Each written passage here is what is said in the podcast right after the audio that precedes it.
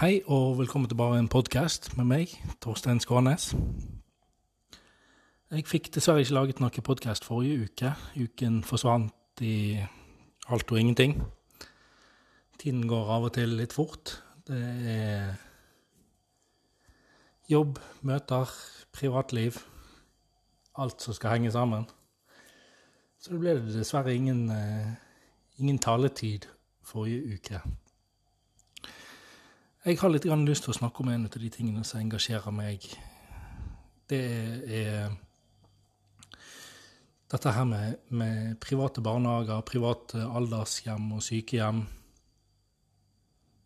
Og mulighetene som ligger der. For det første så har jo de, de fleste rapportene som er blitt laget, vist at vi sparer penger. Skattebetalerne sparer penger, kommunene sparer penger, staten penger på å benytte seg ut av private tilbydere ut av eh, velferdstjenester.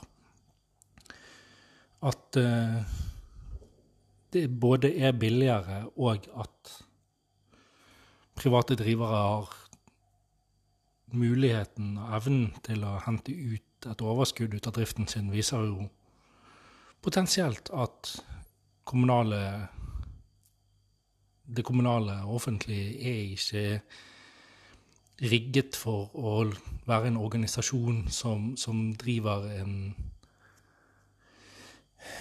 driver en bedrift, rett og slett. For det er jo det det er. Det er hvis du driver en barnehage, om du driver et eldrehjem, så er det bedrifter. Det er det det, er til syvende og sist. Du kan kalle det velferdstjeneste, du kan kalle det et velferdstilbud men det er en tjeneste som ytes ut av en bedrift. Altså har det egentlig ingen betydning om det er staten som står som eier, eller, som, eller om det er private som står som eier. Sånn i utgangspunktet. Men det vi ser, er jo det at private klarer å drive billigere. De klarer å drive med mer fornøyde kunder eller brukere. Og da snakker vi både kommersielle og ideelle. Selvfølgelig det, det er ideelle drivere inni dette som ikke tar ut noe profitt i det hele tatt.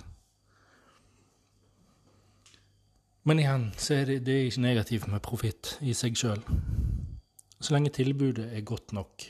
Og når det er bemanningsnorm, når det er krav til ansatte Når vi har, vi har et uh, velfungerende trepartssamarbeid her i Norge, der arbeidsgiver, arbeidstaker og staten har en enighet og kommer til enighet om lønnsvilkår og om andre vilkår som skal ligge til grunn.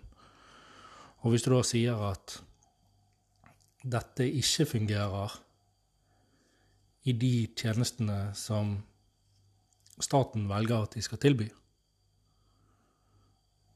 La, la oss si at på et eller annet tidspunkt så skulle staten tilby eh, dekkskifte som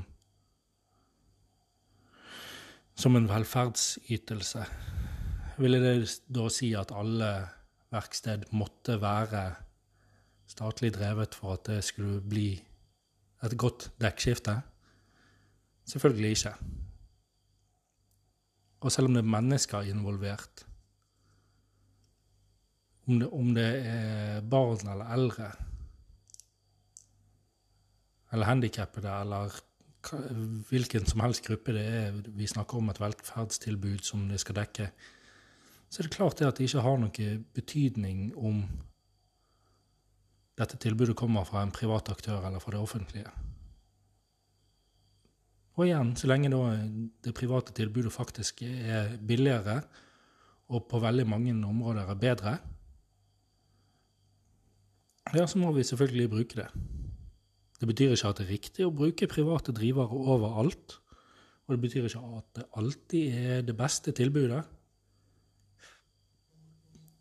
Enkelte ganger kan det faktisk være sånn at Sånn som her i Os, så har Lurantunet hatt to avdelinger. Første og andre etasje. Andre etasjen den har vært konkurranseutsatt.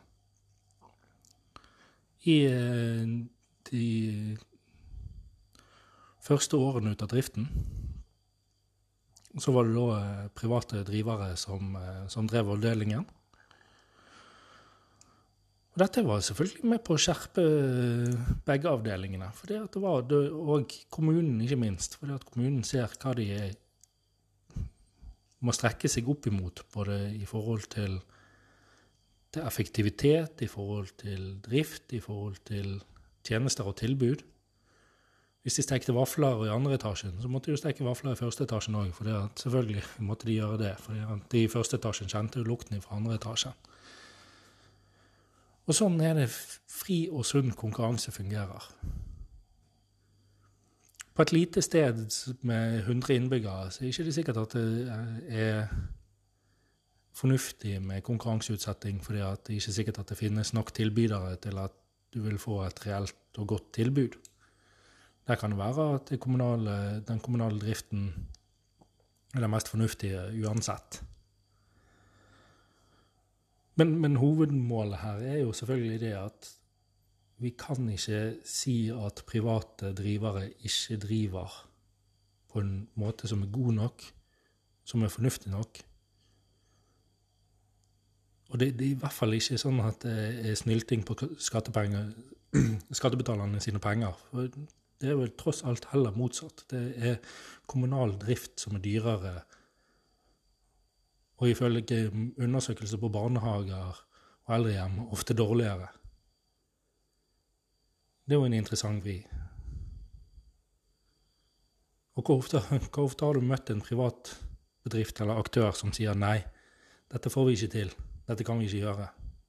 I de fleste tilfeller så er jo private næringslivet som ligger foran, som ligger utadvendt og ha en ja-holdning til å skape et nytt tilbud og gjøre nye ting. Selvfølgelig er det folk som er inne i, inne i sånne bransjer òg, som ikke skulle vært der. Sånn som det er i alle bransjer. Det, det, de samme folkene ville vært der om det var kommunalt eller om det var privat. Forskjellen er at har du en privat driver, så kan du kaste dem ut. Eller stille strenge krav om forbedring. Hvis det er kommunal tjenesteyter, så er jo sannsynligheten for at eh, kommunen stiller strengere krav til seg sjøl, relativt liten. I hvert fall er det min oppfatning.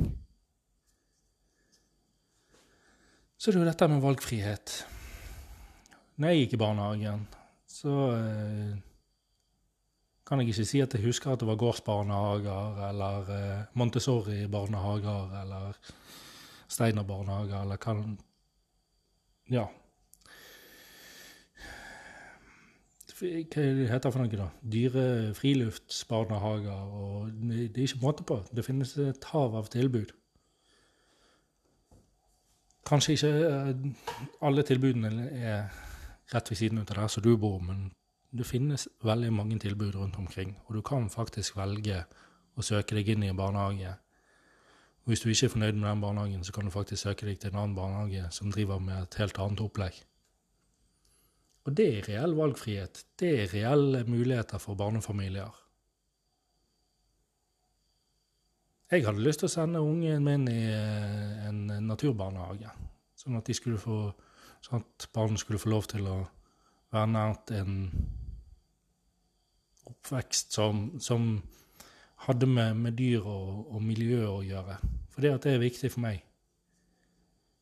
Og den muligheten finnes, fordi det er private aktører på markedet som har sett at her er det faktisk et marked for å gjøre noe sånn. Og da bygger vi det.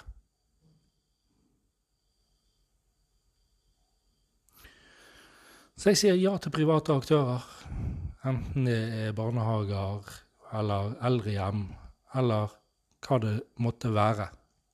Det viktigste er at vi får gode tjenester. Det viktigste er ikke hvem som driver dem. Og det er ikke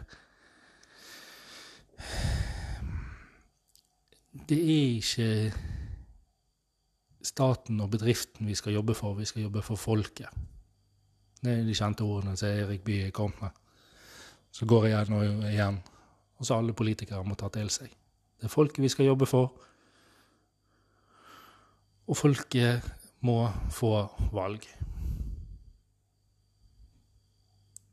Takk for meg.